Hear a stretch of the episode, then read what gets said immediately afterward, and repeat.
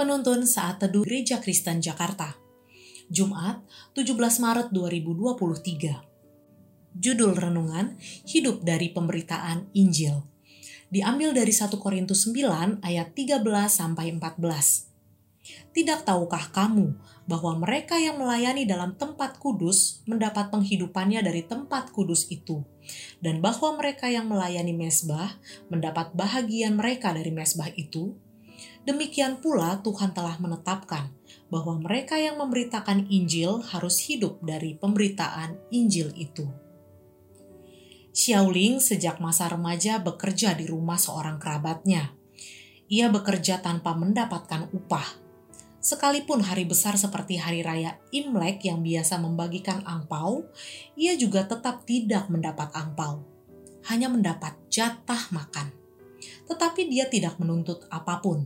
Ia tetap merasa sangat bersyukur. Sebab ia berasal dari keluarga miskin dan memiliki banyak saudara. Ia tetap kuat melalui kondisi itu bertahun-tahun dalam nas renungan hari ini, Paulus mengulang dan mempertegas apa yang sudah disampaikannya di ayat 6 dan 7.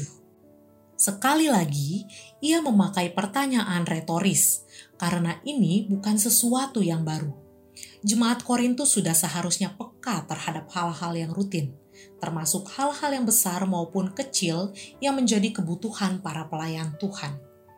Sebagai dasar argumen, ia mengutip dari bilangan 18 ayat 8 sampai 14 dan ulangan 18 ayat 1 sampai 8. Frase mereka yang melayani tempat kudus, tempat yang kudus dan melayani mesbah menunjuk kepada para pelayan Tuhan secara umum di tempat-tempat ibadah.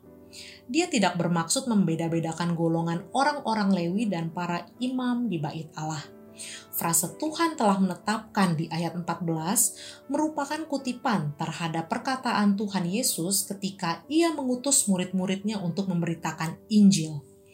Fase ini juga merupakan argumen puncak bahwa Paulus tidak mau menggunakan haknya sebagai rasul untuk mendapatkan tunjangan hidup yang semestinya diterimanya. Sebab baginya, memiliki dan menggunakan haknya bukanlah tujuan utama dan bukanlah segala-galanya. Baginya yang terpenting adalah Injil Kerajaan Allah tetap dapat diberitakan dengan leluasa dan lancar. Marilah kita belajar sikap hati seperti Rasul Paulus. Dia tidak menuntut walaupun memiliki hak upah kerja. Dia memiliki kesadaran bahwa Allah mengerti setiap kondisi dan tantangan yang kita hadapi. Tuhan pasti menyediakan yang terbaik dan memenuhi keperluan kita tepat pada waktunya. Sebab segala perkara dapat kutanggung di dalam Dia yang memberi kekuatan kepadaku. Komunitas yang memahami kasih karunia Allah adalah komunitas yang tidak hanya teguh pada saat mengalami kebahagiaan, tetapi tetap berjuang bersama-sama walaupun mengalami kesulitan dan tantangan.